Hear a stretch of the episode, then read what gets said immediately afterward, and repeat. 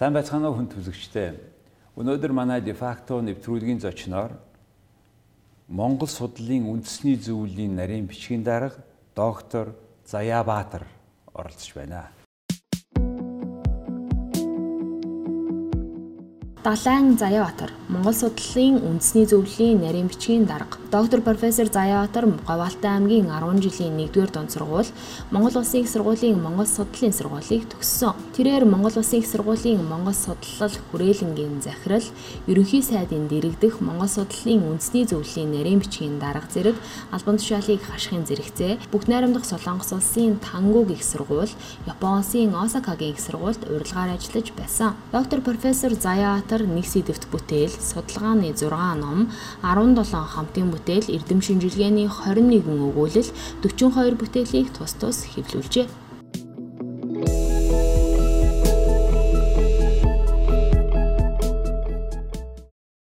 За сайн байна уу та? Сайн байна. Та саяхан та бүхэн танаа энэ төв ээлжид Монгол судлалын том чуулган хурлаа хийлээ тийм ээ. Энэ тухайгаа ярьж өгөхгүй юу болсон бэ сая? Тэр энэ жил бүрийн энэ 7 8 сар бол Монгол судлалын үйл ажиллагааны нэлээд олон ажлууд үргэлжлэдэг юм цаг л да. Гадаадын судлаачид маань амралтын ийм хугацаа байдаг учраас бид энэ хугацаанд нь нийцүүлж Монгол судлалын олон үйл ажиллагааг зохион байгуулдаг. За сая бол жил бүр зохион уламжлуулахын зохион байгуулдаг залуу Монгол судлаачдын зуны сургууль хийж дуусглаа. Энэ зуны сургууль бол жил болгон болдог ийм том үйл ажиллагаа.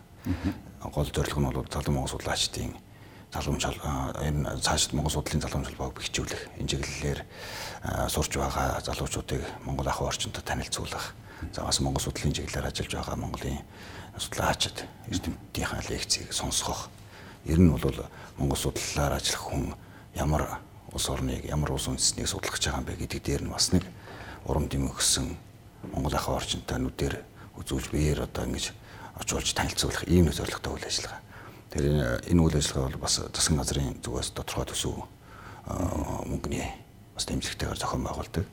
Энэ жил 11 орны 30 залуу судлаач ирж суралцлаа. 2-7 хоног. 1-7 хоногт нь бол хөдөө орон нутагт Монгол малч ахуй амьдралын дунд монголчуудын өдөр тутмын ёс заншил, амьдралын хэв маяг та танилцах. За нөгөө 7 хоногт нь Улаанбаатар хотод Монгол судлалын салбар үрээр лекц сонсох ийм үйл ажиллагаа байлаа. Тэгэхээр бид нар энд өмнө бол бас Монгол судлалын чиглэлээр хэр нэг Монгол хэл заагаад юм уу ярианы хэл заагаад ингэж байдаг байсан. Тэр нь зарим одоо судалгааны чиглэлээр ажиллах Монголын олон талтай үйл ажиллагаа сонирхож байгаа судлаачдад зарим талаар жаахан сонирхолгүй байх. А нөгөө талаас тухайн газартаа танхим сурж байгаад ирсэн хүн ахаад ирээд Монгол танхим суралцаад байхаар нөгөө зуны сургууль гэдэг үйл ажиллагааныхаа бас бодит зорилготой нийцэхгүй байх нэг юм хоёр тал байсан. Тэгээ бид нар 4 жилийн өмнөөс үйл ажиллагаа жаахан өөрчлөе. Арай өөр хэлбэрээр зохион байгуулад үзье. Ер нь нэгэнд энэ 14 хоног бол тухайн хүн аль нэгэн чиглэлээр нарийнсэн мэдлэгтэй болоод буцна гэдэг бол байхгүй учраас Монголын талаар чиглэл бүрийн одоо бодит мэдээллийг тухайн чиглэлээр ажилладаг судлаачид бас Монголын нэр бүхий эрдэмтэн судлаачдаас сонсгож өгье л гэсэн ийм зорилготой зохион байгуулсан. Тэгээ энэ бол бас сүүлийн үед нэлээд үр дүнгээ өгч энэ сургалтанд суралцах сонирхолтой залуучууд бол олноор ирж оролцох боллоо. Тий би тэр тэр залуу Монгол судлаачдын зуны сургуульд оролцож Монголын өнөөдрийн эдийн засгийг улс төрийн ямар сорилтууд байгаа тухай лекц уншсан л да. Тэгээ харж яхад бол Японы судлаачид залуучууд байна лээ. Өвөр монголчууд байна. Гадаадад байгаа өвөр монголчууд Америкаас ирсэн хүмүүс байна. Турк байна. Оросудаас 10-аад хүн байна Монголыг судлаад ингээд ирсэн. Франц. Францууд байна лээ. Тэгэхээр ингээд жил болгон ингээд давтагдахгүйгээр гэж байгаа тийм. Тий, одоо тухайн нэг оролцсон хүн бол дараа жилээ оролцохгүй гэсэн үг. А энэ залуу судлаачдын өмнө нь Монгол судлаачдын бас нэлээд урт хугацааны ажил болдоо ш. Тэр нь Ахмад насны судалдсан тийм хүмүүс байх шиг байсан. Тэр ямар учир вэ? Тэгээ энэ энэ жил бол Монгол судлалын нэг 2 3 том хурал болж байгаа. Тэр нь соёл урлагийн сургууль дээр яг Монголын соёл урлагийн судалтай нэг том охин үйл ажиллагаа болсон. Олон улсын Монгол судлалын холбоо соёл урлагийн их сургууль хамтран зохион байгуулсан үйл ажиллагаа л да. Тэгэхээр 5 жил тутамд олон улсын Монгол эрдэмтдийн хурал гэж дэлхийн одоо Монгол судлалын чиглэлээр ажилладаг томоохон одоо энэ эрдэмтдийн томоохон цугларалт Улаанбаатар хотод болдгийг. Тэгэхээр энэ 5 жил бол бас хоорондоо их зайтай байна. Тийм болохоор 5 жилийн хооронд нь Монгол судлалын тодорхой нэг чиглэлээр бас үйл ажиллагаа зохион байгуулъя гэж ингэж олон улсын Монгол эрдэмтдийн 11-р хурлын 2016 онд хуралдааны үеэр шийдсэн байна. Тэгэхээр энэний дагуу олон улсын Монгол судлалын холбоо, соёл урлагийн их сургууль хамтран энэ соёл урлаг судлалын томоохон хурлыг зохион байгууллаа. Энэ бол бас сүүлийн үед болсон орлого дотроос зохион байгуулалтын хөгжтөр олон улсын эрдэмтдийн оролцоо талаас дээр бас нэг томоохон үйл ажиллагаа боллоо. За нөгөө нэг том орлол бид энэ 8 сарын 3 4-нд Улаанбаатар хотод Монгол хэл утга зохиол судлал гэсэн ерөнхий сэдвийн хүрээнд томоохон хурлыг бас зохион байгууллаа. Энэ хурлд 9 орны 32 эрдэмтэн оролцож илтгэл хэлэлцүүлсэн. Тэгэхээр бид нар энэ сүүлийн үед эрдэмтлийн хурлыг зохион байгуулахдаа нэг зүйлийг бол бас жаахан барий гэсэн зорилготой. Энэ юу гэхээр эрдэмтлийн хурал гэдэг бол зүгээр одоо нэг төлөвлөгөөнд тусгасан ажлыг хэрэгжүүлдэг биш. Тодорхой зорилттой бас зохион байгуулалтын өв шинэлэг оролцооны талаас бол бас чанартай ийм байлгахтан чиглэе. Энд үүднээс одоо Монгол хэл утга зохиол судлалын сүүлийн үед яг энэ чиглэлээр ажиллаж байгаа гадаадын судлаачдыг оролцуулсан мөн одоо Монгол улсын их сургууль, Бээжингийн төвийн үндэсний их сургууль хамтарсан ийм нэг үйл ажиллагаа бий болгоё гэдэг үүднээсээ энэ хурлыг зохион байгуулад одоо саяхан өндөрлөд байна. Уг хурлд бас оролцсон судлаачтай бол энэ нэлээд зөв зөв таарах хэмжээ боллоо. Цааш бас жилүүр тогтмол зохион байгуулж авах хэрэгтэй байна. Энэ яг энэ бүх зардлын бид нар даад юм уу? Эсвэл бид нар унаагаад даад юм уу? Ямар учиртай? Бид нар бол бүх зардлыг одоо дагаад явуулах тийм төсөв боломжгүй хязгаарлагдмал. А тодорхой хэмжээнд бид нар бас их усүр гаргаад тухайн судаачдынхаа нэг зочд буудлынхын зардал. За тэгээд хурлын үйл ажиллагааны өдөр тутмын зардлыг хариуцъя. Түүнээс үүш зам болоод одоо босод холбогдох зардлыг бол тухайн хүмүүс өөрсдөө зааж байгаа. Өөрсдийнхөө түүхийг соёлыг ялангуяа жижиг орнууд тийм ээ. Манайх шиг одоохондоо бол э, одоо жижиг том түүхтэй тэгээд өнөөдөр бол цөөхөн хүнтэй нэг юм ус биш. Тэгээд манай улсыг манай түүхий уран зохиолыг судлах юм бол их байна тийм ээ. Тэгээд энэ утгаараа ер нь энэ улс орныг Монгол судлал яагаад тийм ач холбогдолтой юм? Энийг одоо манайх ямар хэмжээнд хууль зүйн түвшинд ач холбогдол өгж энийг юм томьёосон байдгийг бэ. За баярлалаа маш чухал асуулт байна. Тэгэхээр ер нь аливаа улс орн бол өөрийнхөө хэл соёл түүх тэгээд үндэстнийхээ энэ замнаж ирсэн түүхийг дэлхийн ертөнцид таниулах хамгийн гол нь зөөр таниулах. Түүгээр дамжуулж өөрсдөө гадаад ертөнцид зүгээр холбож өгөх ийм нэг зорилго байдаг нь бол тодорхой зүйл. Энэ бол э, баг буураа тэр хүчрхэг альж улсад байна. Одоо бид урд төрчөөс авахгүй бол э, Япон солонгос гэл ялангуяа Азийн орнуудын бүр онцгой анхаардыг бид мэднэ. Япон сан солонгос сан гүнзгий институт гэл түүний э, ард бол гол зорилго нь тэр өөрсдийнхөө хэл соёл түүх тийм ээ. Нийгмийн үргийг гадаад ертөнцид одоо түгээн дэлгэрүүлэх тэр хэмжээгээр өөрсдөө бас үндэстнийхээ оршуунд дархлаа бэхжүүлэх ийм зорилготой байдаг. За энэ Монгол судал бол энэ ерөнхий зорилготой яг нэг.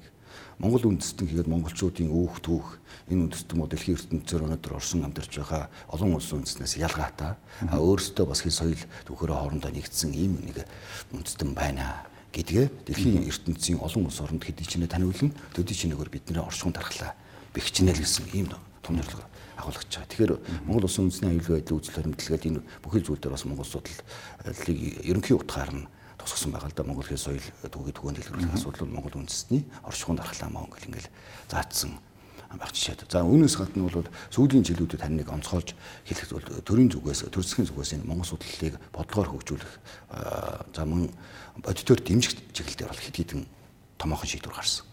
2012 онд Монгол судлалыг хөгжүүлэх үндэсний хөтөлбөр гэж анх батлагдаад за мөн 2014 онд Монгол Улсын ерөнхийлөгчийн зарлагаар Монгол судлалыг дэмжих сан гэж байгуулагдсан. 2014 онд. Энэ Илбэгдэрч. Тий, Илбэгдэрч ерөнхийлөгч байв.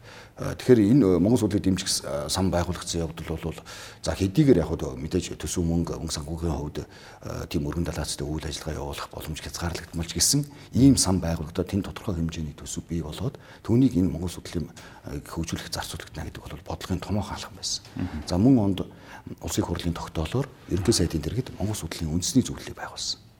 Ерөнхий сайдаар даргалуулсан. Энэ бол одоо Монгол судлалын бодлогыг зангидах зохион байгуулалтын үйл ажиллагааг эрхлэх ийм нэг гэж. За ингээд э, бодлогын дэмжих санхүүгийн их өсвөр болсон санта зангидах үйл ажиллагаагийн бий болгож одоо хөтөлж явах үндсэн зөвлөлтөй болсон явдал бол Монгол судлалыг төрийн бодлогоор хөгжүүлэх нэг юм алхам болсон гэж хэлэх бүрэн. За тэгж та ярьж штэ ингээд зохион байгуулалтын хувьд ерөнхий сайд хариуцсан үндсийн зөвлөл. За тэгээд тодорхой хэмжээний сан байгуулсан. Ингээд энэ хоёрыг бий болгохоос өмнөхтэйгээ харьцуулахад ямар өөрчлөлт бий болж байна? За энд э, бид өмнө одоо Монгол судлалын асуулыг ярьж байхад э, Монгол судлал бол э, жаахан унаж байна. Ялангуяа гадаад ертөнцийн Монгол судлал бол үндсэндээ их саарчлаа. Монгол судлалын чиглэлээр ажиллаж байсан эрдэмтдийн одоо нэг үе бол бас цаг хугацааны ирэхээр юу гэдгийг гавьяаны амралтай хэлээд дараагийн үеийг одоо бэлтгэхгүй байна. Энэ чиглэл дээр бол төрийн зүгээс ч за тодорхой бодлого явуулахгүй байна. За энэний үр дүнд бол юу гэхээр Монгол судлал гадаад ертөнцид ялангуяа Европ дахинд бол сааралтын байдалд, уналтын байдалд орлоо гэдэг нэг ийм шүүмжил байсан. За энэ бол бодиттой. А гэхдээ энэ Монгол улсын төрөөс бодлогын хэд хэдэн шийдвэрийг дагалдаад бид нар тодорхой хэмжээгээр их багч гисэн гадаадын Монгол судлалын төвөдтэй бодиттой хэлхээ холбоо тогтоож за бидний зүгээс бол дэмжих ийм боломж байна. Та бүхэн энэ дээр одоо Монгол судлалынхаа төвийн үйл ажиллагаа хийвэн болгооч сурах судалгаагаа эргээд идэвхжүүлээч гэдэг чиглэлээр өнгөрсөн одоо 3 4 жил бол илгээд ажиллалаа. За үүний үр дүнд би ерөнхий э, утгаар бол Монгол судлал эргээд сэргэлтийн ийм хандлагаар орсон гэж одоо баттай хэлж чадна. За үүнийг э, жишээлж хэлэх юм бол холбооны үүднэрт Герман улсын Бонны их сургууль гэдэгт бид өмнө э, профессорын оронтоо нь бол хаагдсан байсан. За профессорын оронтоо байхгүй байна гэдэг бол тэнд шууд Монгол судлалын төв хаагдаж байна л гэж ойлгох хэрэгтэй. Тэгэхээр ерөнхийлөгчийн айлчлалын үеэр бас Бооны их сургуулийн тэр профессор Онтог эргэж сэргээх хүсэл тавиад тодорхой хэмжээний цалин санхүүдээр нь Монголын талаас дэмжлэг үзүүлээ гэдэг. Одоо бол албан ёсны профессорын оронтойгоо эргээд сэргээсэн хэвийн үйл ажиллагаа болоод явж байна. Австралийн үндэсний их сургуульд Монгол судлалын төв байгуулагдсан байна. Одоо тий. Одоо бид нар Италийн Венецийн Кавасрын их сургууль дээр Монгол судлалын төв байгуулах үндсэндээ бидний зүгээс хүлээх үүргээ бол биелүүлсэн. Одоо тэдний талаас үргэ биелүүлж үндсний Монгол Венецийн Кавсгарын их сургууль дээр Монгол судлалын төв байгуулагдана. Туркийн Хажатепе их сургууль дээр Монгол судлалын төв байгуулагдсан. Одоо өнгөрсөн хугацаанд бид нар Стамбул их сургууль дээр Монгол судлалын төв байгуулъя гэдэг ярьж байна. Тэгэхээр өмнө нь бол бид нар хаагдсан мэдээг илүү их сонсдог байсан бол одоо бид нар эргээд нээж байгаа, нээгдэж байгаа. А мөн нээх хүсэлтийг харилцан ярилцсан ийм цаг үе бол орж ийн л да угаасаа манай Монгол судлал байсан их сургуулиуд дээр зарим дээр нь хаагдсан а яг тэднэр дээр буцаж очиод нээлгэх юм уу тэр талаар юу хийгдэж байгаа. Ер нь социализмын үед бол Монгол судлал нэлээд хүчтэй байсан та мэднэ. Тэгэхээр тэр бас зорилго тухайн одоо улс орны хөвд Монголыг судлах хэд хэдэн томоохон хүчин зүйл байсан. За нэгдүгээрт Монгол бол тэр үед төдийл нээлттэй орн байсангүй. Нийгмийнхаа тогтолцооны үүднээс. Тэгэхээр э, тухайн нийгмийн тогтолцоог таних тулд магадгүй монголоор дамжуулж социалист системийн тогтолцоог таних нэг юм улс төрийн томоохон учир шалтгаан байсан. Хоёрт бол э, Монгол үндэстэн дэлхийн бус үндэстнээс давдггүй маа гэхэд дутахгүйгээр үхт үхтэй. Альва нэг улс үндэстэн өөрийнхөө үг түүхийг судлаа явж хахад тэр үг түүх нь монгол руу шууд холбоотой авчдаг. Тэгэхээр өөрсдөө э, өнгөрсөн үеийг нээхийн тулд өөрийн ирэхгүй монголын түүхийг судлах хандлага руу ордог. Энэ хоёр тусар шалтгаан. А гурав дахь нь бол бид э, энэ дэлхийн ертөнцийн амьдарч байгаа улс үндэстний хувьд өөрсдийн амьдралын хэв маягийн хувьд нүүдэлчин ийм өргөн соёлтой ард түмэн байна. Тэгэхээр энэ үүдэлчин өрмөц соёл бол дэлхийн энэ суурьшмал эрхчлэлтэй улс орны хувьд ихээхэн сонирхолтой судлагдав. Тэгэхээр ийм гурван хүчин зүйлийн хувьд бол социалист системийн үед Монголын судлал хүчтэй байлаа. Тэр хэрээр дэлхийн одоо олон орн ялангуяа одоо тухайн үеийн капиталистд хэлжсэн орнуудад бол Монголын судлал хүчтэй байсан. За 90-ад оноос хойш Монголын нөгөө нийгэмчлөөд ийм тогтолцоонд ороод дэлхийн ертөнцид нээлттэй болоод ирэхээр бол Монгол судлал бас хоёр талын одоо тийм нөлөөлөл үзүүлсэн. Нэг нь бол юу гэхээр тэд биднийг сонирхол судлах юм нь бол өөрсдөө ирээд үзээд хараад судалгаа шинжилгээнийхээ материалыг орж танилцаад явах бүрэн боломж нь нэгдсэн. А нөгөө талаар улс төрийн шалтгааны хувьд бол төдийлөн айхтвар ирж хайж учир начрын олж нэгтлэх нөгөө хүчин зүйл нь бол буурсан гэж хэлж болно. А үүнийг дагалдаад тодорхой улс төрийн учрын шалтгаанаар судалж яасан төгөөд бол бас үүд хаалга хаасан тал бий. Тэгэхээр тэр үе таалгын хаасан төвүүд дээр бид нэр боломжийн хэрэгээр эргээс сэргэх сэргэх ийм үйл ажиллагааг ярьж байгаа. А гэхдээ сургууль болгон дээр одоо Америкийн сургуулиуд дээр жишээлхэд тэр нэг Харвардын их сургууль хэдэн Монгол судлалын ихээхэн одоо гол хүчтэй төв байсан газар. Одоо бол эргээд үүндээ бид нар Монгол судлалын талаар төдийлөн сэргэлтийн үйл ажиллагаа явуулж чадахгүй байна. А уг нь ярилцаад ингээд ирэхээр бол тэд тодорхой санал тавьж байгаа. За бид бол Монгол судлалын э, үйл ажиллагаа сэргээж болно. Гэхдээ санхүүч хэрэгтэй. За ойлгоо. Тэрийг тгий тавьдаг. Америкийн нэгдсэн улсын хувьд хангины гомбож угаагаас эхлээд ер нь Индианагийн их сургууль хамгийн их Монголтой холбоотой ном бичиг гаргасан газар шүү дээ. Тэгээ одоо тэр тэн сургууль чи Монгол хэлээр ярьдаг хүн хүртэл байгаа юм. Тэгэхээр энэ Индианагийн сургуульд ямар Индианагийн их сургууль бол гол үндсэн профессор нь Кристофер Этвуд гэж түүх судлалын Монголын эзэн төрийн судлаар ажилладаг эрдэмтэн байсан. А одоо бол Пенсильвани их сургууль руу профессороор шилжсэн.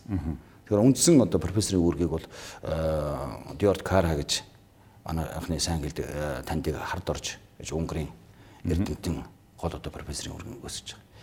А яг өдөр тутмын үйл ажиллагаан дээр нь хамгийн хүчтэй ажиллаж ясан нөгөө профессор маань Пенсильвани их сургууль дээр шилжээ явчихаар. Одоо бол Индиана их сургуулийн Монгол судлалын яг өнөөдрийн үйл ажиллагаа зүгээр хэвэн явж байгаа боловч гол одоо нөлөөлөх тэр профессор байхгүй байгаа асал бол бас тухайн хард орж байгаа Индианагийн сургууль Индиана их сургууль тийм. Венгрээс Индианагийн сургууль дээр байна. А тэгээд одоо бол яг монгол хэл зааж байгаа шүү дээ. Анаахаас монгол эрдэмтэн ажиллаад монгол хэлийг бол тасралтгүй зааж байгаа. За мөн Монголын түүхийн холбогдлоо хичээл сургуультад энд явж байна. Гэхдээ нөгөө үндсэн хорон тоон дээр ажиллаж байдаг гол профессор бол одоо хүртэл тэднийх аваагүй байгаа. За гэхдээ сүүлийн мэдээгээр бол ямар нэгэн профессорыг тухайн одоо этүүдийн орон тоон дээр авах ийм талаар ажил нь явж байгаа. Тэгэхээр эргээд одоо интернет сургууль бол хэвэн үйл ажиллагаа нь профессор яг энэ дээр зөндөө их манай түүхэн материалууд байгаа. Тий. Анхны словаруудыг энэ төр хийжсэн англи монголын хооронд ангины гомбож байгаа 56 онд гаргаж ирсэн юм байлээ шүү. Тий. За дараагийн их сургууль сонирхож байгаа их сургууль бол болдын их сургууль. Тий. Монгол хэлтэй Монгол профессор багш ажилладаг. Тэр ямар төвшөнд байна? Болдын их сургуулийн хувьд Монгол судлалын үйл ажиллагаа бол бас хариуцсан профессортэй тэр нь бол Монгол эрдэмтэн байгаа Алтан гэрлийн ганчим гэж ганчим багш байгаа. Тийм ганчим багш байгаа. За хүмүүстийн сургууль бидэнтэй байнгын холбоотой бидний бол бас тодорхой хэмжээний төсөв мөнгөнийхөө боломжид нийцсэн одоо өөрөө өнөөдрийн хэмжээнд бидний чадал ямар байна тэр хэмжээндээ зарим нэг богино хугацааны хэрэгжих төсөл хөтөлбөрөнд дэмжиж явж байгаа. За тэдний одоо тавьж байгаа гол хүсэлт бол дахиж одоо хоёр дахь багшийг бид аммаар байна. Монголд сургууль Монгол судлал. Энэ чиглэлээр ажиллах хүнийг э, одоо залинжуулах тэр төсвийг шийдэж өгөөч гэдэг хүсэлтийг бидэнд тавьд. Тэр өнөөдөр би ахаал нөгөө мөнгөрүүл орох гэдэг юм л да. Бодит байдал бол тийм. Хэрвээ үнэхээр төсөв мөнгөний боломж байгаа бол бид э, тэр Humboldt их сургууль дээр одоо хамгийн сүүл би Пенсильвани их сургуулийн зүүн хаан судлалынхан тэнхимэр эрхлэгчний ирээд уулзаад явлаа. Бас л за хэрвээ та нар цалин мөнгөний асуудлыг шийдчих юм бол бид нар шууд Монголоос Монгол судлалын профессорыг үрж ажилуулах боломжтой. Гагцуу та нар санхүүгийн шийдчих. Монголоос мастер докторт бид нар хүн суралцуулах боломжтой. Та нар тэтгэлгийн шийдчих. Тэгээд ирэхээр нөхөө цаана нь хөргөний л асуудал яригдана. Тэгэхээр хүмүүстийн сургууль бол одоо ганц багш бас ирсэн бидэртэй уулзаад явж байна. Бид нар за өнөөдрийн хэрээр бидний э, дэмжиж чадах тэр боломжийн хүрээнд бүгдээрээ ажиллая. Цаашид тэр э, хүсэж байгаа хүсэлтийг биелүүлэхин төлөө явъя гэхдээ та ингэмээр байгаамаа. Наадах чинь ингээд татварын мөнгөөр төрөөс гаргаад байна гэвэл боломж бага. Харвардын их сургуульд тэр тодорхой мөнгө төгрөг тийм профессор би одоо ийм профессорын цалингад аяа гэдэг нэг хүн одоо нэг мистер White гэж хүн мөнгө гаргаж шээ тий. Тэрний тэр хүн дээр цалин өгөөд white professorship гэдэг нэрийг гаргаад шинэ Монгол шим Монгол Германы хооронд Германд Монголыг мэддэг хүн байх ёстой гэж үзэж байгаа. Одоо яадаг энэ тэр TBD андуу тэр тэр биш. Давг гэр бүлээрээ Германы олон жил амьдэрсэн хүмүүс. Шивэ тэр биш профессорын салин юу тэр биш давг тий. Тэр биш давг профессорын тэр биш давгийн профессор гэдэг нэртэйгээр тэр цалинг өгөх боломжийг өгч баруун байдаг гол Тэр чинь төгөөс мөнгө гаргахгүйгээр тэр хүнийг сард нэг жилд нэг 100 мянган доллар гаргаад ингээд нэг хэдэн жил явуулвал яасан чи. Би тийм орлогыг хийж байна. Энэ одоо энэ бол одоо баруун хэрэгждэг гол Монголынхаа бас голлох компаниуд. Тэгээд энэ Монгол судлал бол бас юм шиг энэ чиглэлээр одоо ингэж хамтарч ажиллах хэд хэдэн одоо бодиттой боломж байна гэдэг. Тэгээд яг хуу харамсалтай нь яг өнөөдөр бол бодиттой боловсролын бий болсон тийм юу болох байна. Боловсролын хуулинд боловсролын санхүүжилтийн тухай одоо янз бүрийн юу тогтмол зардал, хувьсах зардал, одоо фи, түүшин зэрэг нэрдэг ш. Дараа нь оюутны зээл гэж явж байгаа. Дөрөв дэх томоохон зардал бол тэр endowment буюу хандивын сан бий болгох тийм ээ. Хандивын санд мөнгө өгсөн хүмүүсийг татвараас чөлөөлдөг. Жишээ одоо тэр биш давг тийм цалин өгөх юм бол манай хүний татвараас чөлөөлөгдөхгүй орлого болгоод компаниас нь хувьяас нь ингээд аль альсан тооцоо явж болох байхгүй юу. Тэгэхээр энэ талаар одоо ажиллах цаг болчиход байгаа маа. Энэ талаар та нар өөрсдийн дуу хоолойг оруулахгүй юм уу? Энэ endowment сангийн асуудал бол бүр одоо Монгол судлалын үйл ажиллагаад би хариуцж ихсэн цагаас л бас л хэдэн он бэлээ? 2014 оноос. За. Ярьж байгаа ийм зүйлтэй анх бид нар бас гаднаас санал тавьсан. Америк нэгдсэн улсын Берк Сан Францискогийн Беркли сургууль. Беркли сургуулаас за одоо бидний энд Монгол судлалын үйл ажиллагааг явуулъя. Тэгээ энэ дөмд хэлбэрээр одоо санхүүжүүлэх боломж одоо Монголоос тодорхой хэмжээний мөнгө байршуулаад тэрнийх нь одоо хүү юм үйл ажиллагаагаар нь тэд хүүгээр нь л одоо үйл ажиллагаа явуулах гэсэн үг шүү дээ. Мөнгөөр байршаад байж байна. Тэгээд тасралтгүй бол нийтдээ тэд 2 сая 2.5 сая долларын энэ домд өсдөг. Тэгээ бид бас тодорхой хэмжээнд энэ асуудлыг иймэрхүү одоо санал байна. Ингэх юм бол өргөлөх сургуулиудаар их сургуулиудаар бид нар бас Монгол судлалын төв байгуулад явуулчих боломж байна гэж мэдээж эхлээд төрд одоо ямар дамжуулаад хандсан танилцуулсан. За тодорхой хэмжээний одоо дөрөв биесэн томоохон компаниудын бас хүмүүстэй бид уулзаж ярилцаж энэ Монгол судлалынхаа үйл ажиллагааны чиглэлд аж ахуйн нэгж одоо томоохон бизнесүүд тач оролцуулах талаар бид явж л байна. За өнөөдөртөө нэг үг хэлэхэд яг энэ нэг ойлгоод энэ үнэхээр чухал байна тий. Энэ дээр чинь хамтраад явъя гэсэн нааштай үрдүн бол бодтор гараагүй байна тий. Гэхдээ бидэнд энд бол бас тодорхой хэмжээний сэтгэлгээний явд хүлээж авах тийм цаг хугацаа бол шаардлагатай байх л тийм байх. Кембриж их сургууль дээр Inner Asia Center гэж байсан тийм ээ. Байгаа юу юу болж байна. Хин гэдэг хүн одоо яаж явж явж байна. Дэвид Снит. Тэгээ би хүртэл тэд намайг нэг жил нэг сараар visiting гэсэн юм одоо юу лээ. Тийм нэг сарын scholarship гэж тэд очоод лекц уншсан тийм юм болсон да. Кембриж сургуулийн тэр дотоод судлалын төв байна. Тэр дотор одоо Монгол судлалын юниттэй, нэгжтэй. За гол профессор нь Дэвид Снит. Ураадын болог гэж. За үндсэндээ гол одоо тухайн салбарт Монгол судлалын үйл ажиллагаан дээр гол анхаарлаа хандуулсан томоохон үүрэг үүсгэсэн хүн бол Каролин Хайври шүү дээ. Хамфри бол гол үүрэгтэй болсон. Тэгэхээр Каролин Хамфри одоо хаана байна? Яг үүндээ бол судалгааныхын дээр бол бас идэвхтэй үйл ажиллагаа бол байхгүй. Гэхдээ нөлөөлөх үүргээ бол гүйцэж байна. Монголд сурж исэн 70-аад онд барууны ганц эмэгтэй анхны оюутан гэж миний ярьсахт би нөгөө Кембриж их сургуульд King College. Лон Кембрижид очиж ярьсаг авч ирсэн энэ хүн бол энэ хүний багш нь тэр хин Балтимо дараа нь Лидсийн сургууль Монголын судалгаа байсан. Лидсийн сургууль манай академиас хүмүүс урж исэн. Ширэн дуугай Лидсийн сургуулийн хүндэт профессор болж исэн. Лусан вандугаа очиж. Лусан вандугаа очиж лекц уншиж исэн. Сүүлд манай багш нар ч бас хичээл зааж исэн. Тэгэхээр ингээд ийм нэг ийм тэр үеийн традиц уламжил байна л да. 60-аад оноос 70-аад оноос шинэ биш юм яваад шүү дээ. Тэгэхээр нэг талаасаа энэ дээр уламжилт харьцаагаа үргэлжлүүлвэл аштайхан юм байна тий. Тий.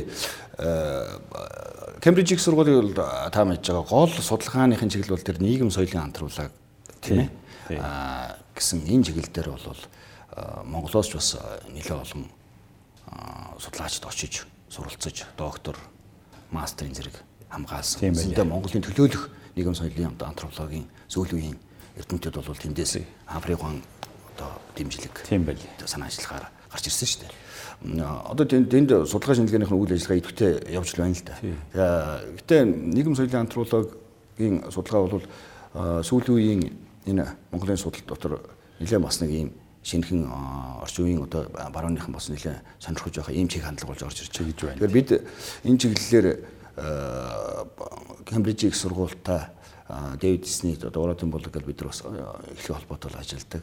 Ер нь нийгэм соёлын антрополог дээр төвлөсөн нэг томоохон үйл ажиллагааг Европт зохион байгуулъя гэж төлөвлөж байгаа. Тэгээ эх жил бид нар Австрийн шинжилгээний академи дээр нэг ийм нийгэм соёлын антрополог дээр яг гололсон эрдэм шинжилгээний хурлыг зохион байгуулж энэ чиглэлээр ажилладаг. Тэр UCL University College of London гэдэг тэнд 5 PhD түүний дотор нэг Монгол нэг профессор очоод нийлээд Монголын орчин үеийн юу болж байгаа тухай судлаад байгаа юм байна тийм ээ. Бас. Тэгээ тэр талаарх мэдээлэл бол яг одоо надад бол тодорхой. Тэгэхээр би юу ярьж юм гэхээр ер нь ингээд Монголыг судалж байгаа эрдэмтэн мэрэгтэй хүмүүс дэлхийн том том сургуулиуд дээр байна. Энэ одоо санхүүгийн бэрхшээл байгаа ч гэсэн энийг ямар хэмжээгээр явуулах. Ер нь бол иймэрхүү ажлыг санхүүжүүлдэг төрийн хөшөө төрийн болон төрийн бус бусад Европын холбоонд ажил байна тийм ээ. Янз бүрийн сангууд байна. Тэр цаатлын тэр одоо энэ давхаргуу руу та нар яаж гардыг? Тэгээ бид э, эхлээд гол нь одоо Монгол судлалыг хөгжүүлэх яг хинт хэрэгтэй юм бэ гэдэг асуулт бол ойлгомжтой. Энэ бол бидний л асуудал. Монгол судлал гэдэг бол зөвхөн хэдэн судлаачид судалгаа шинжилгээ хийгээ тэндээ цалин цуухаагаад амьдарч байгаа арга бол биш байхгүй. Монгол судлалыг бид нар илүү өргөн хүрээгээр харах хэрэгтэй бодлогын хөвд Монгол судлалыг хэдий чинээ хөгжүүлж чадна. Төдий чинээгээр бид нар дэлхийн ертөнцид өөрсдөө зөв байршуулж чадна л гэсэн үг. Монгол судлаачдыг яагаад дэмжих ёстой бэ гэдэг асуудлыг манай чиний нөгөө төрийн дарга зэрэгнэр асууж Монгол судлаач гэдэг бол өнөөдөр Монголын тухай ухааны үндэстэй хамгийн зөв мэдээллийг дэлхийн ертөнцид түгээж байгаа улсуудаа. Бидний дэлхийн ертөнцид бол сурчилж байна. Бид тодорхой байдлаар бол Монгол гэдэг өнөөдөр бас тийм мэдхгүй танихгүй орн бол биш болсон. А гэхдээ ямар байдлаар түгэж гинүү гэдгийг бас бид харах хэрэгтэй. Нэг талынх нь бол бид нарыг магадгүй өнөөдөр дэлхийн ертөнцийн амьдарч байгаа энэ улс үндэстний дунд иймэрхүү жаахан баларлаг байдлын амьдралтай улсууд байна гэдэг талаас нь чөлөөт байдлаар харуулдаг нэг хэсэг байна шүү дээ. Ирээд л одоо Монголын хамгийн тийм гаж харагдах юмнуудын бичлэг хийж аваад авч гадна цацдаг энэ бол нууц биш зүгээр. А гэтэл Монгол судлаачид бол тийм биш. Тэд бол эрдэмтэд. Эрдэмтэд учраас өөр өөрсдийнхөө ажиллаж байгаа шинжлэх ухааны чиглэлийн үүднээс Монголыг кейс болгож судалж байгаа. Тэгэхээр бидний талаар хамгийн бодиттой гэх юм уу үнэн мэдээллийг Монгол судлаачид өгч ийн гэсэн үг. Тэгэхээр бид нар Монгол судлалаа хөгжүүлэх дэмжих асуудал бол эхлээд бидний асуудал. Эндээс бол төрөнж тэр магадгүй одоо таны хэлж байгаа нөгөө аж ахуй нэгж тийм ээ томоохон компаниуд хөв хүмүүс энэ л бол анхаарах нь бидний гол зандлын асуудал. А дээр нь мэд дэлхийн ертөнцийн улс үндэстний нэг хэсгийн хувьд бол бас гадны ертөнцийн рүү бид олгодож дэмжлэг авах талаар бол ярьж хэлхэл ёстой л доо. Өнөөдрийн тухайд бол бид нар хамгийн бодиттой байж байгаа. Зүгээр энэ энэ чиглэлээр ажиллаж байгаа гадаадынхаа Монгол судлалын чиглэлийн үйл ажиллагаа явуулдаг байгууллагуудаар дамжуулаад одоо хамтарсан хоёр талын төсвөл аль аль талаас бас санхүүцсэн энэ чиглэл рүү одоо хамгийн бодиттой алхам ганц нэгээр хийгээд явж байна. Түүнээс шууд бид нар Монгол судлалыг хөгжүүлэх юм а та бүхэнд хэмжээж өгөөч гэж хандсан гэдэг бол жаахан тийм. За юу ч гэсэн ингээд танай судлалын энэ үндэсний төв чухал ажил эрхэлж байгаа юм байна. Энийг одоо нийт ард иргэд нэгдүгээр та ойлгох, хоёрдугаар боломжийн хэмжээгээр дэмжих. Яагаад гэвэл бидний даяарсан ертөнцид амьдарч байгаа. Аль ч улс оронд очисон гэсэн Монгол улсыг зүгээр нэр усаар нь мэдхээс гадна түүх соёлоор нь мэддэг байвал таны хэлж байгаагаар их зохистой байршил болох нэ. Тий. Тим үнэхээр тэгээ та бүхний танай төвийн энэ их олон өргөн хүрээтэй ажилд амжилт хүсье. Баяр хүргэе. Тэгээд дараагийн нэг Монголын тэр 21 онд болох том судалгааных нь үеэр бүгдээр ахиж уулзъя. За баярлалаа. Баярлалаа. За хүн төзөгчтэй өнөөдөр манай дефакто нэвтрүүлгийн зочноор Монгол судлалын үндэсний төвийн нарийн бичгийн дарга Заяабаатар оролцлоо. Баярлалаа.